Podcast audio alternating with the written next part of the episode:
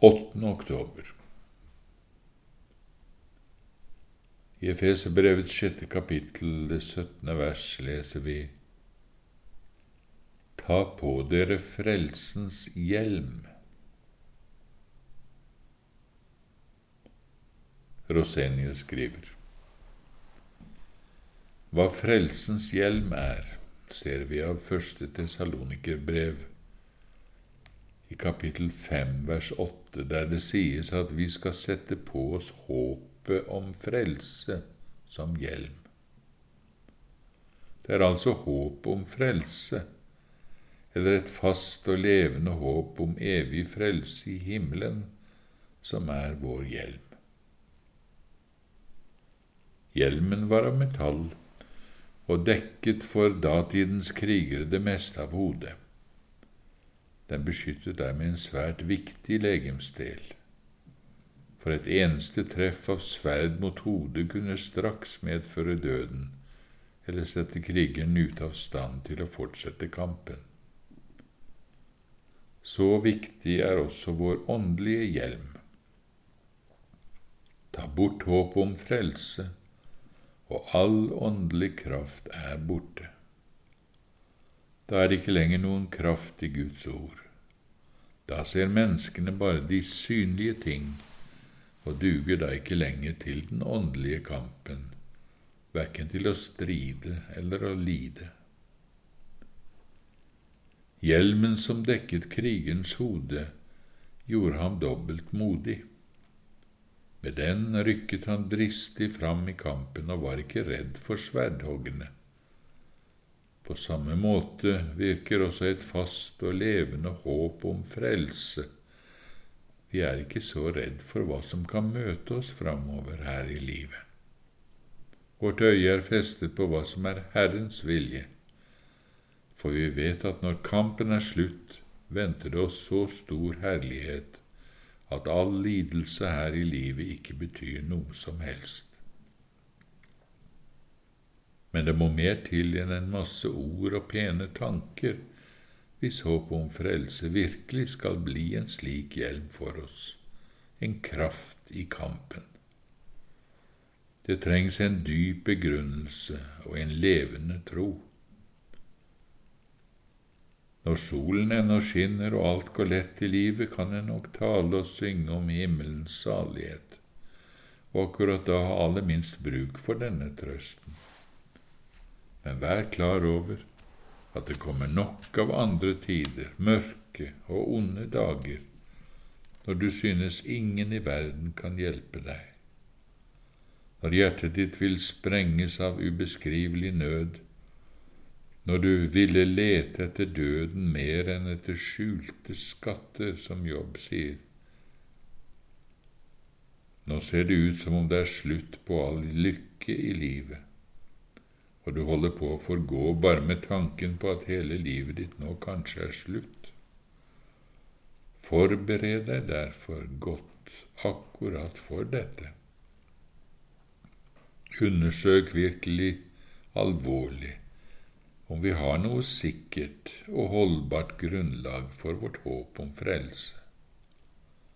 Be Gud om at Hans Hellige Ånd må skrive dette dypt inn i hjertet ditt, så det blir en levende grunntanke gjennom hele ditt liv. Har du et sikkert og fast håp om frelse, vil det også skape den rette livsvisdommen i alle livets situasjoner, en dyp og urokkelig trøst i all sorg, og en guddommelig fred og kraft i alle kamper og prøvelser men dette er ikke et emne for hvem som helst. Det kan jo ikke smake mer enn lunkent vann i munnen på dem som vil ha sine goder og gode gaver her i livet, de som er denne verdens barn. Himmelen, hva?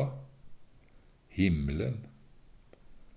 Nei, fortell oss heller oppskriften på god helse, mat og klær, og det å bli akseptert av andre mennesker Himmelen, den kommer vel i sin tid. Den trenger vi ikke tenke på nå. Men selv blant dem som er begynt å søke det som er der oppe, og lever i samfunn med Gud, har mange ennå ikke fått bruk for betydningen og kraften av håpet om frelse. De har ennå ikke i noen videre grad blitt knust, blitt dødet. Det jordiske livet har ennå ikke bedratt og såret, knust og utmattet dem grundig nok. De har ennå mange vakre tanker og forhåpninger for dette livet. Men vær klar over at hvis du skal forberedes for himmelen, da kommer det andre tider når du ikke finner herligere ord i Bibelen enn dem som taler om hvor herlig det skal bli å fare herfra til himmelen.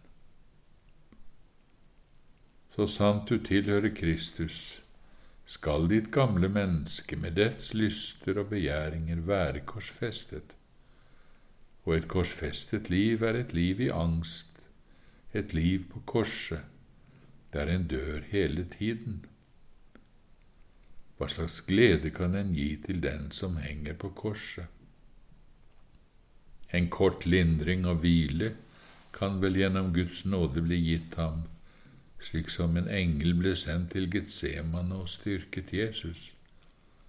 Men denne lindringen brytes snart av ny smerte, ny bitterhet, nye tårer og skrik. Jo lenger vi lever som kristne, jo mer må vi gi apostelen rett i at hvis det bare er i dette livet vi har satt for tåp til Kristus, da er vi de ynkeligste av alle mennesker. Jo mer tiden går, desto mer stadfestes den gamle Skriftens ord om hele dette livet. Dets herlighet er bare strev og sorg og uro og strev er alle menneskers lodd fra de blir født og til de blir begravet. Det de tenker på og frykter for, er den dagen de skal dø. Enten de sitter på en strålende trone, eller de er den minste på jord. Der er alltid sinne, fiendskap, misunnelse, ufred og dødsfare.